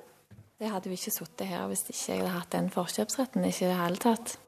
Og så er det et sånn kjempespennende rom som du Siv Karin Solaune fant drømmeboligen, men trodde han glapp. Hun meldte seg inn i boligbyggelag for å ha gode sjanser til neste gang. Men budrunden på leiligheten hun ville ha, tok tid, og da hadde hun plutselig fire dager ansiennitet å slå i bordet med. Ja, dessverre, for de som sto under meg. Jeg hadde jo ikke greie på borettslag før, sånn at det, det har jo selvfølgelig vært en kjempepositiv overraskelse. Det har betydd at jeg sitter her i dag og har det supert. Lille Mathias klager heller ikke i lekegrinda si, og mamma Wenche Ryan håper medlemskapet de har tegna til han, kommer godt med når han skal ut på boligjakt i framtida. Når han blir stor, så er det greit for han at han slipper å slåss så mye som altså, folk flest må for å komme seg inn i boligmarkedet. Og så er det greit å komme seg inn tidlig. Jo tidligere, jo bedre. Jeg håper at han skal få seg en fin plass å bo når han blir stor. Og at han får det bra. Thank. Og reporter her, det var Cecilie Berntsen Jåsund. I Trondheim er det i dag ventet køer pga. oppryddingsarbeidet etter at en bro kollapset over Håkon den eh, syvendes gate i forrige uke. Folk blir bedt om å bruke kollektivtrafikk eller komme seg til jobb på annen måte. Flytrafikken går som normalt igjen etter streiken i eh, Widerøe, men flyplassene i Vadsø, Vardø, Honningsvåg, Mehamn og Svolvær er fremdeles stengt pga. en annen streik.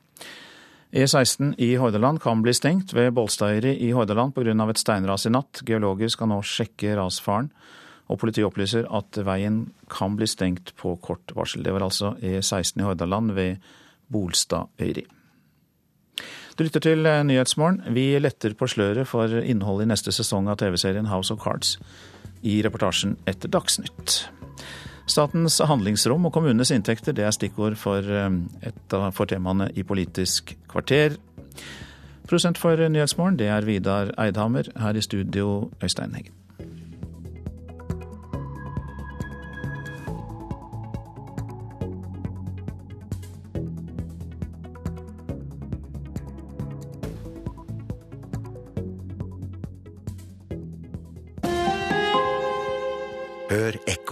Genforskningen gjør stadig nye gjennombrudd. Å stable om på livets byggesteiner er litt skummelt, men mulighetene er også store. Og det hele begynte da DNA-et ble beskrevet av to engelske forskere for 60 år siden. Og det jubileet må markeres. Ekko 9 11 i NRK P2. NSB får kun beholde halvparten av overskuddet, staten tar resten. Arbeidssøkere fra Kroatia bør ikke få reise fritt inn til Norge, mener LO. Og svenskene lager billigste Melodi Grand Prix-finale på lenge. Riktig god morgen, her er NRK Dagsnytt klokken 7.30. Regjeringen har lovet tidenes jernbanesatsing, men vil nå ta enda flere millioner kroner fra NSBs overskudd og putte det i statskassen. Togselskapet skulle helst ha beholdt pengene selv. NSB trenger flere milliarder kroner for å kjøpe nye tog de neste årene. Selve togene er jo gamle etter hvert, slitte. Det er jo gjerne bygget på, på 70-tallet. Det kunne vært nyere, det kunne vært freshere. De bruker altfor mye på Østlandet. Mange togpendlere på Bergen stasjon er lei av slitte tog. Og NSB har et behov for å investere milliarder det neste tiåret, sier konsernsjef Geir Isaksen. Ca. 12 milliarder kroner. Men fordi NSB tjener mer penger enn anslått, foreslår regjeringen i revidert nasjonalbudsjett at utbyttet fra togselskapet skal økes med 120 millioner kroner, til nesten 300 millioner. Vi har jo anbefalt staten om å ikke ta utbytte pga. at NSB står foran veldig store investeringer i nye tog bl.a. Det vil være riktig å la mest mulig penger ligge igjen i selskapet. Men nå forsvinner altså nesten én av to kroner NSB tjener, rett inn i statskassen. Det er helt naturlig, sier statssekretær Geir Pollestad i Samferdselsdepartementet. Vi har en langsiktig utbyttepolitikk som sier at vi tar 50% utbytte, og sikrer statens og eierens andel av inntektene. Reporteren, det var Sindre Heierdal. LO vil bremse arbeidsinnvandringen til Norge, og nå ber de regjeringen vente med å åpne grensene for fri arbeidsinnvandring fra Kroatia når landet blir med i EU 1.7. Det skriver Vårt Land. Nye medlemsland fra Balkan er på vei inn i EU, og derfor ber LO om en sju års overgangsordning som begrenser den frie arbeidsinnvandringen. Målet er å minske sjansene for at arbeidsinnvandrere blir utsatt for sosial dumping, det sier LO-økonom Sten Regård. Overgangsordningen betyr at det ikke er helt frislipp. Den går ut på at de som da får fri adgang til det norske arbeidsmarkedet, må uh, sikres uh, anstendige lønns- og arbeidsvilkår. Altså De må ha et jobbtilbud og til en rimelig norsk standard. I 2004 og 2007 ble ti østeuropeiske land tatt inn i EU. Dette har ført til at det har kommet mange arbeidsinnvandrere til Norge de siste årene, som gjennom EØS-avtalen er en del av EUs indre marked, som gir fri flyt av arbeidskraft. Nå ønsker LO en strengere regulering av arbeidsinnvandringen for å minske sjansene for sosial dumping i form av bl.a. altfor lav lønn og utnyttelse av arbeidskraft, sier Regård. Man har fulgt med litt i, i timen de siste årene, Jeg kjenner jo ganske godt til dette problemet med lønninger ned til ti kroner timen og, i de verste tilfellene. og veldig uverdige forhold på andre måter. Det blir et mer kontrollert regime da, kan du si, og mindre fri flyt. Men Toril Lødemel, avdelingsdirektør for arbeidsliv i NHO, mener det ikke er nødvendig med en strengere regulering. Nei, nå er det slik at Kroatia er et lite land, og NHO har ikke sett behovet for å innføre overgangsordninger for Kroatia. Og så mener vi òg at den norske modellen er robust og vil være i stand til å håndtere at og Kroatia blir med i Europa og blir en del av det europeiske arbeidsmarkedet. Reporter Thea Nodén Dahl. Fremskrittspartiet taper velgere til Høyre. Hele 20% av dem som stemte Frp for fire år siden, sier de vil stemme Høyre ved høstens stortingsvalg. Det viser en meningsmåling Nordfakta har gjort for Nasjonen og Klassekampen. Kun 2% av Høyre-velgerne har skiftet over til Fremskrittspartiet, men de to partiene har fortsatt en oppslutning som ville gitt et flertall på Stortinget med 87 mandater. Enkelte er så ivrige etter å klage på det offentlige at det går utover andre klagere og øvrige oppganger. Flere fylkesmenn sier pågangen fra intense klagere har økt. Faren er at vi kan komme til å behandle klagerne ulikt, fordi noen tar så mye oppmerksomhet. Det sier sivilombudsmann Arne Fliflet.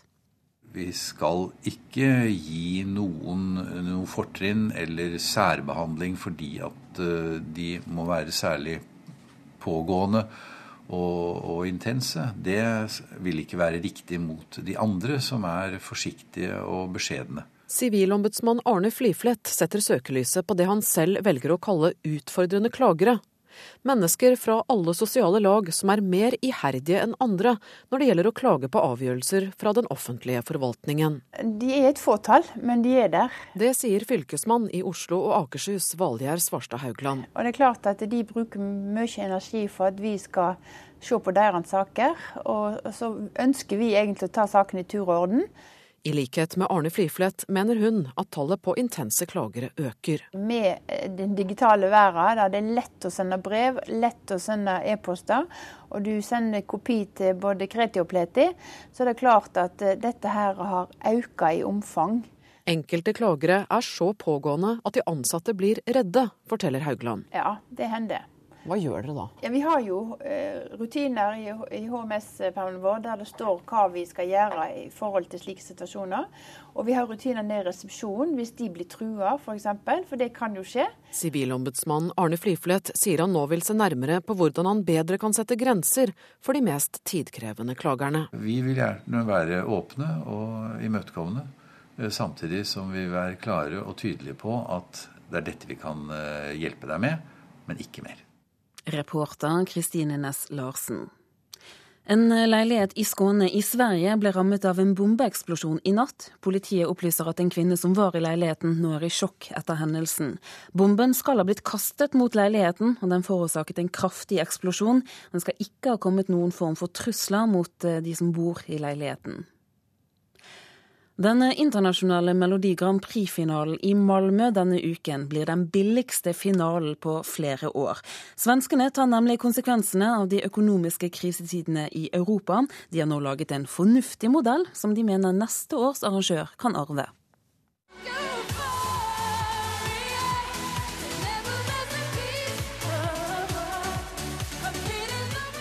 Da svenske Loreen sang seg ut på rulleteksten til applaus og konfetti som vinner av Eurovision Song Contest i Baku i fjor, hadde Grand Prix-uken nådd en prislapp på rundt 270 millioner kroner. Heller ikke i Moskva i 2009 ble det spart på noe, og prisen ble omtrent den samme. I år sier Sveriges Televisjon at de to semifinalene og finalen i Malmö ikke skal koste mer enn 125 millioner svenske kroner. Prosjektleder for Eurovision-finalen, Martin Østerdal, sier det er viktig å ikke glemme den økonomiske uroen i Europa. Det finnes mange land i Europa som ikke har en like velmående økonomi som Sverige eller Norge. Portugal, Polen og Bosnia-Hercegovina deltar ikke i år fordi det ble for dyrt for dem. Hellas og Kypros varslet først at de måtte bli hjemme, men har ombestemt seg. SVTs prosjektleder Martin Østerdal sier at det nettopp nå, når flere land er i økonomisk krise, er viktig at Europa står sammen gjennom Eurovision Song Contest. Hele vår visjon om Eurovision 2013 gir veldig mye Europatanken. At vi er We are one i vår slogan. og uh, Det er det som er så spesielt med Eurovision Song Contest. og Vi vil at dette skal leve kvar, og at det skal kunne finnes kvar i 58 år til. Reporter var Thomas Alverstein Ove. I kjølvannet av at Alex Ferguson i går takket av etter 26 år i Manchester United, så har nå også en annen av klubbens profiler bestemt seg for å forlate klubben. I går kveld kom nyheten om at Wayne Rooney ønsker å forlate Manchester United. Det var sjefen sjøl, sir Alex Ferguson, som sa det i presseområdet etter hans siste hjemmekamp. Nyheten kom ikke overraskende på United-supportere i Manchester i går. Jeg hørte han ble buet på i dag på arenaen. Noen fans er dessverre bare sånn. Småsutring mellom Rooney og Ferguson, akkompagnert av at Rooney ikke har det beste forholdet til den nye treneren, etter at Moyes saksøkte Rooney for å ha skrevet negativt om han i biografien sin. Alt tyder på at Rooney er ferdig i Manchester United. Vi må huske på at Rooney har vunnet fem ligamesterskap og en gang Mesterligaen med oss. Han er en legende, men hvis tiden er inne for å dra, så får han dra. Det er tydelig at det er murning mellom han og Ferguson. United-supportere tror at de har planen klar. Ryan Giggs will be with David Moyes. Ferguson's upstairs. Ryan Giggs må jobbe med David Moyes og med Ferguson i andre etasje. I tillegg bør United få David Beckham til å gjøre ambassadørrollen, slik som Zidane gjør i Real Madrid. Real Madrid ja, Det mente altså supporterne, og reporter her, det var Patrick Steen Rolands. Ansvarlig for denne sendingen fra Dagsnytt, det var Kjartan Rørslett. Det er Frode Thorsøy som har det tekniske ansvaret. Her i studio, Turi Grønbøk.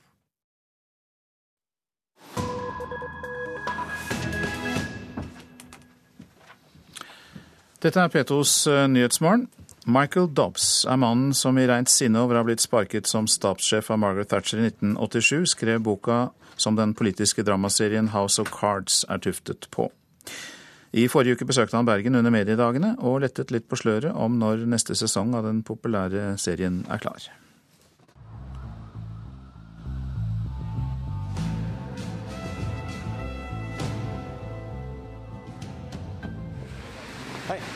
Vet du hvem det her er? Ja. ja. Topps. Vet dere hvem dette er? Ja, det var uh, House of Cards.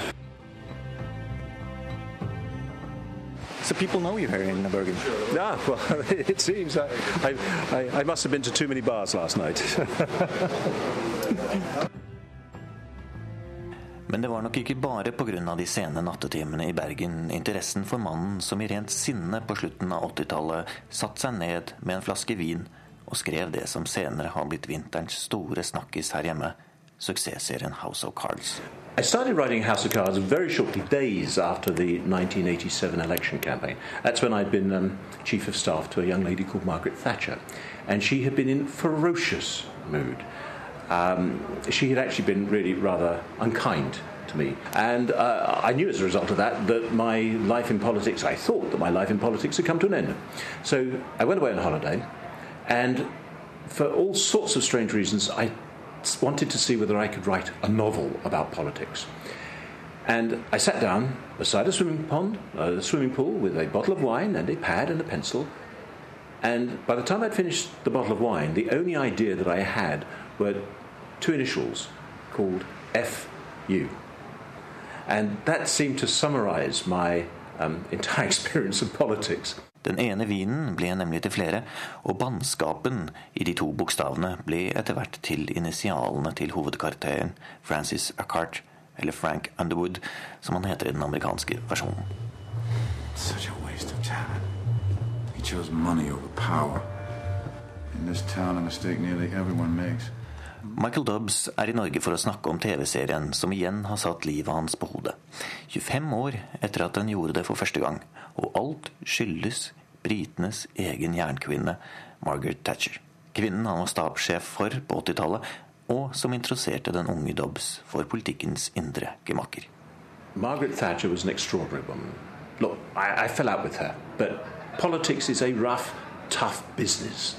Um, and, and, she was a rough, tough person. Great people, and she was a great person, always are rough, tough people. They're, you, they're, they're not, they're, they're, not comfortable people to be uh, around.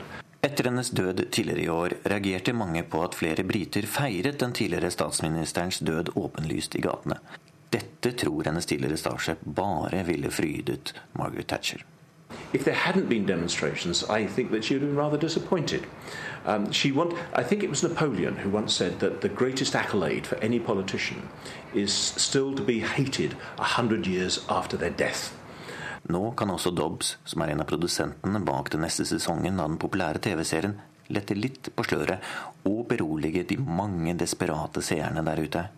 Sesong to er like om hjørnet. Season two is already being shot. I, I, would be desperately surprised if one had to wait uh, longer than a year after the release of the, of the first one, and, and possibly less.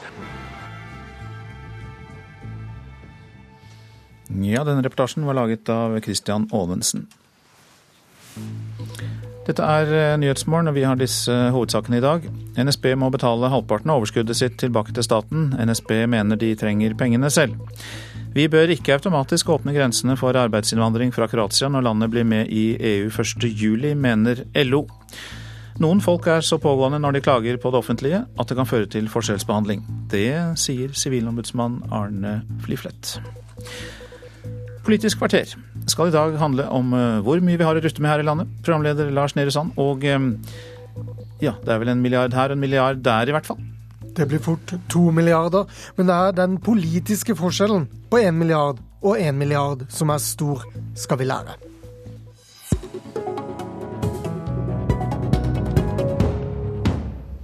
Vi tar milliardene først og millionene etterpå, dvs. Si statens handlingsrom og kommunenes inntekter. Først altså 400 friske milliarder norske kroner. Det skiller bunnlinja på de rød-grønnes første statsbudsjett i 2005 og det reviderte 2013-budsjettet. 400 milliarder kroner mer å rutte med Penger som burde vært brukt annerledes, mener både Høyre og Civita. 400 milliarder kroner er egentlig bare 100 milliarder, svarer Aps Torgeir Micaelsen, som er her i studio med Høyres Jan Tore Sanner. Og Micaelsen, når borgerlig side prøver å snakke statsbudsjettet opp, så er det åpenbart galt, det også. Forklar regnestykket ditt. Jeg må først si at eh, Vi er ekstremt heldige i Norge som kan diskutere hvor mye mer penger vi skal bruke. Eh, både de siste årene bak oss, men de vi har også framfor oss. Men det er ikke riktig. Det blir helt feil når både Civita eh, og også Høyres leder Erna Solberg får det til å framstå som vi har hatt et mye større handlingsrom i budsjettpolitikken de siste årene enn det vi faktisk har hatt. 400 milliarder det er såkalt nominelle tall, altså ikke sammenlignbare tall med 2005. En krone Eh, i 2005 var mye mer verdt enn den er i dag. Hvis du inflasjonsjusterer det, sånn som vi vanlige folk gjør, altså sånn konsumprisindeksen, så er vi nede på 300 milliarder. Det blir heller ikke riktig, fordi staten kjøper inn helt andre ting enn det du og jeg gjør som forbruker. Vi handler f.eks. mye mat og uh, klær og den type ting. Det gjør ikke staten. Uh, vi bruker f.eks. penger på helse, som det er veldig lavt vekta i såkalt konsumprisindeks. Og så må du da bruke det som er riktig måte å regne på, såkalt utgiftsdeflator. Dette er litt teknisk, jeg beklager det, men det er et veldig viktig poeng. Når du skal styre et land, et budsjett, så må du ta høyde for de utgiftene du har, som er såkalt faste utgifter. Og hvis du gjør det, så er du fort nede på 170 milliarder kroner i de siste åtte årene. Eh, og hvis du gjør som både Høyre sier at de skal, og Arbeiderpartiet sier vi skal, nemlig stå ved forpliktelsene i folketrygden, altså sykelønn, pensjoner, trygder, for verken Høyre eller Arbeiderpartiet går til valg på å kutte de, så må du også dekke den regninga. Og da er egentlig handlingsrommet nede på 100 milliarder kroner. Og det er da det begynner å bli interessant.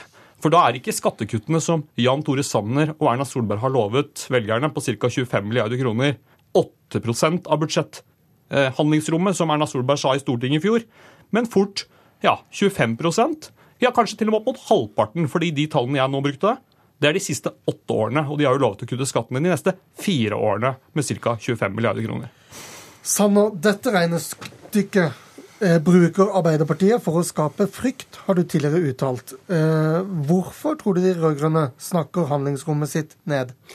Jeg er veldig forundret over den eh, tilnærmingen, eh, at Torgeir Micaelsen nå snakker ned eh, handlingsrommet, samtidig som når de skal skryte av sine egne bevilgninger på ulike områder, ja, så bruker de løpende priser, eller det Torgeir Micaelsen sier, ikke sammenlignbare tall. Arbeiderpartiet har bl.a. gitt ut en brosjyre hvor de viser hvor mye penger som går til samferdsel. Da sammenligner de 2005 og 2013, og da bruker de løpende priser, altså ikke engang inflasjonsjusterte bevilgninger. Eh, og det er tall som ifølge Torgeir Micaelsen ikke har noen som helst eh, mening. Mitt poeng er at vi må se på hvor mye mer penger regjeringen bruker i dag sammenlignet med 2005, inflasjonsjustert, og så stille spørsmålet hva får de ut av disse pengene? Hva får man ut av det i forhold til nye kilometer med vei, i forhold til å kutte helsekøer, i forhold til å øke resultatene i skolen, i forhold til bedre forskningsresultater?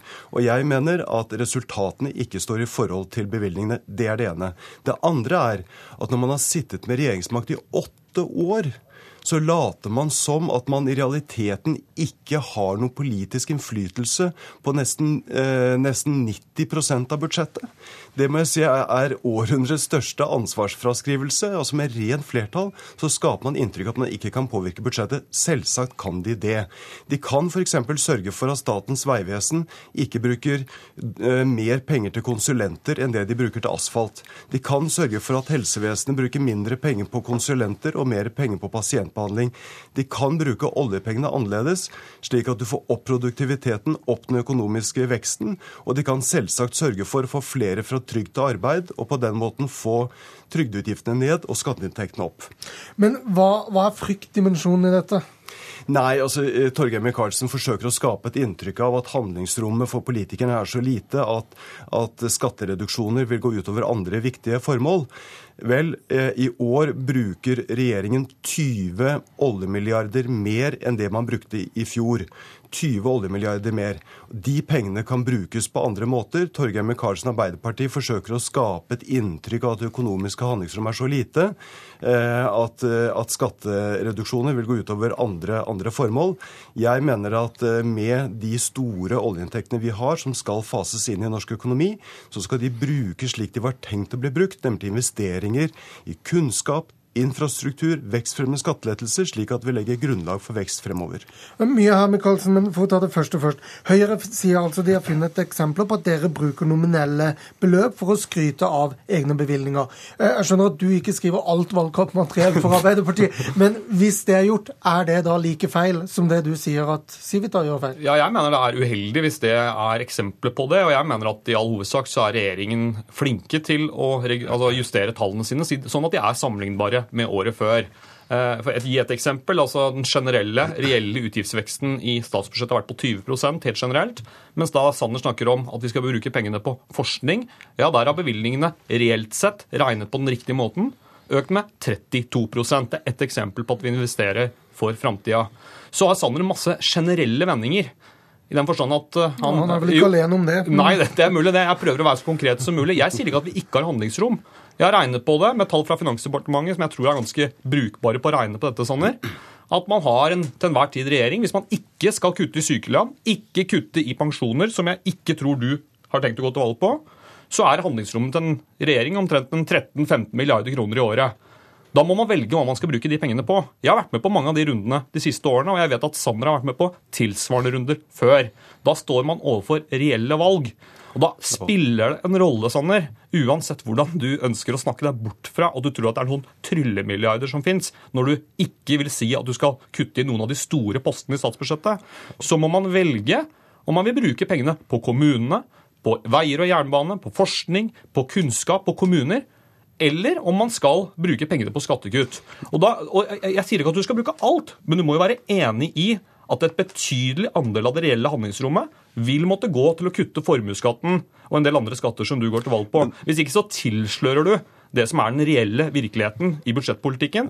Eh, og det syns jeg du bør holde deg for god til. Men, men, men Torgeir Micaelsen, du gjør deg mindre enn det du er. Fordi at du skaper et inntrykk av at politikerne ikke kan påvirke det eh, økonomiske handlingsrommet. Selvsagt kan vi det. Ja, fortell nå hvordan du skal gjøre det. Da må du ta noe ned, ja, og så må du ta noe opp. Jeg, jeg har, jeg har aldri, og Nå har du nevnt noen konsulenter i Vegvesenet, men det, du får liksom ikke saldert et budsjett med nå, det. Nå var det vel jeg som hadde ordet. Jo, eh, om du bruker milliardbeløp på konsulenter, så er det klart at det er penger som du kan brukes til å investere i asfalt istedenfor. Jeg har nevnt noen eksempler.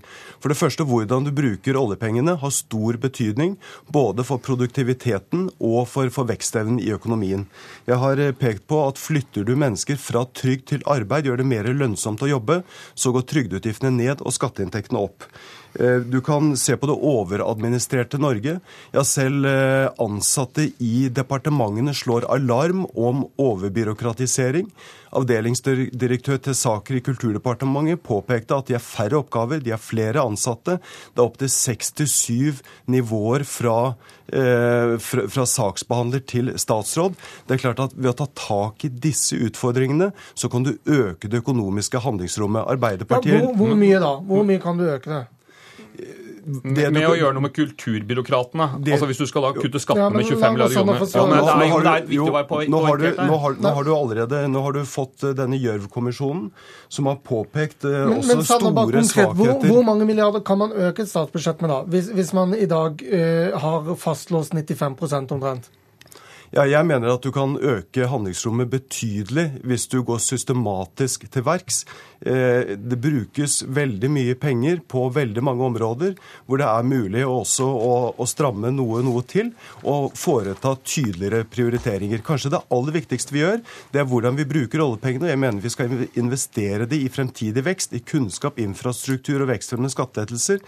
Da legger det også grunnlag for morgendagens velferd. Tusen takk til dere, Jan Tore Sanner og Torgeir Micaelsen.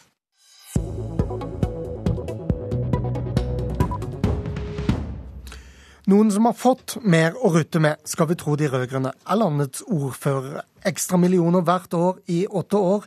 Mange millioner krav, oppgaver, ansvar og pålegg, i tillegg til en samhandlingsreform, fremkalte et hjertesukk fra Vestlandet i Dagsrevyen i forrige uke. Ja, Da er det en glede for meg å ønske velkommen til Mæland kommune i Nordland. Vi har ikke merka bedre kommuneøkonomi de siste årene, heller tvert imot. Vi ser det at vi får stadig nye oppgaver som ikke er finansiert av staten, og det er en utfordring for vår økonomi. Og Det er ikke bare en påstand fra meg. Helsedirektoratet har dokumentert at det som kommer i forhold til reformen, er for lite i forhold til våre utgifter. Stemmen tilhører deg, Høyre-ordfører i Mæland kommune nord for Bergen, Nils Marton Odland, med oss på telefon. Hvordan kan du si du har fått det så mye verre, når regjeringen har pøst inn penger i kommunesektoren i snart åtte år? Ja, Vi sier ikke at vi fått det mye verre. Vi sier det at det bildet som regjeringen prøver å skape, nemlig det at kommunene flyter over med penger, det er kort og godt eh, feil. Det som er Utfordringen er jo det at regjeringen har skapt et stort eh, forventningsbilde i befolkningen uten at kommunene har fått den, denne nødvendige reelle økningen i midlene som disse forventningene skulle innebære. Det som er litt av av bakteppet i dag, det er jo det at vi hører en regjering som påstår at kommunene har fått en veldig stor økning i inntektene. Det som er fakta, er faktisk det at økningen var større under Erna Solberg som kommunalminister enn det han har vært de siste fire årene med Senterpartiet i Kommunaldepartementet. Du har vært i kommunestyret siden 1999, ordfører siden 2007. Vil du da si at dere hadde et bedre økonomisk handlingsrom da Solberg var kommunalminister? Jeg vil ikke si at det var atskillig bedre. Det var, det var, nok eh, på samme nivå som i dag. Det som er utfordringen i dag, det er jo det at eh, vi har en regjering som er veldig offensiv i retorikken på at kommunene har fått sånn voldsom vekst i midlene. Det som er utfordringen vår som lokalpolitikere, er jo det at uh, vi ser at det kommer stadig nye oppgaver som ikke er finansiert. Lars Peder Brekk, du er parlamentarisk leder i Senterpartiet, også du med oss på telefon. Det finnes altså ordførere som mener det var vel så bra før, stikk i strid med hva Senterpartiets statsråder og ledelse sier. Hva svarer du da? Nei, Jeg vil jo da henvise til Lars Myraune, som tidligere var ordfører Frosta, i Frosta kommune. Han er jo en god høyrerepresentant fra Nord-Trøndelag i Stortinget i dag. Han var jo kjempeglad når, når den rød-grønne regjeringa kom og det ble bevilga mer penger til kommunene. Han, han, sa det at det var en åpenbar forskjell mellom Erna Solbergs budsjetter og, og, og det som etterpå kom i favør av den rød-grønne regjeringa. Men la meg få lov til å si det at at, at eh, det hele tida er slik at eh, vi har nye arbeidsoppgaver i kommunene. Kommunene skal løse viktige eh, velferdstilbud innenfor skole og eldreomsorg bl.a. Så Det blir bestandig å være for lite penger, det, det skal jeg ærlig innrømme. Men det er et ubestridelig faktum at, at bevilgningene har økt de siste åtte årene med, med i underkant av 70 milliarder kroner. Og, jo, men dere er jo en, dere er enige om at beløpet øker. Men kan du da være enig i at behovene øker enda mer, og at handlingsrommet til kommunene dermed blir mindre, slik Odland sier? Nei, det, det, det mener jeg ikke, ikke, ikke, er riktig. Det er riktig at bevilgningene har økt, det er vi enige om. Det er riktig at behovene har økt mer, men bevilgningene er jo brukt til å øke antallet ansatte i kommunene for å løse tjenester. Det er 60 000 nye ansatte i kommunene som er kommet de siste årene. Og så er det også slik at vi hele tida vil være, ha behov for å bevilge mer framover. F.eks. Innenfor, innenfor eh, samhandlingsreform og, og, og, og for å dekke andre, andre arbeidsoppgaver som kommunene har.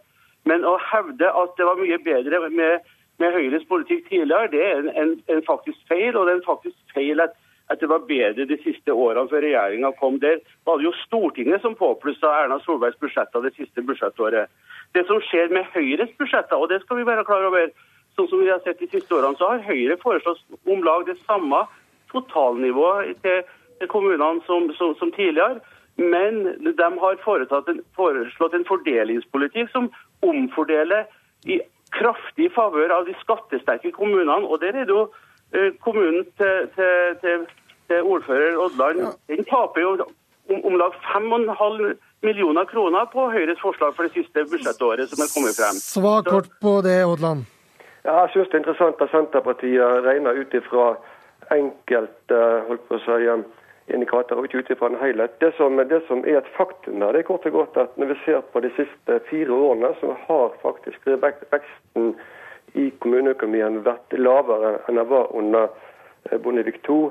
Og Vi ser i dag at uh, gjelden i kommunene er tredobla under Senterpartiet. Vi ser at det blir satt ny rekord i nedleggelse av skoler. 500 Da må jeg nesten si takk for at dere var med. Eh, Politisk kvarter er slutt. Jeg heter Lars Nehru Sand.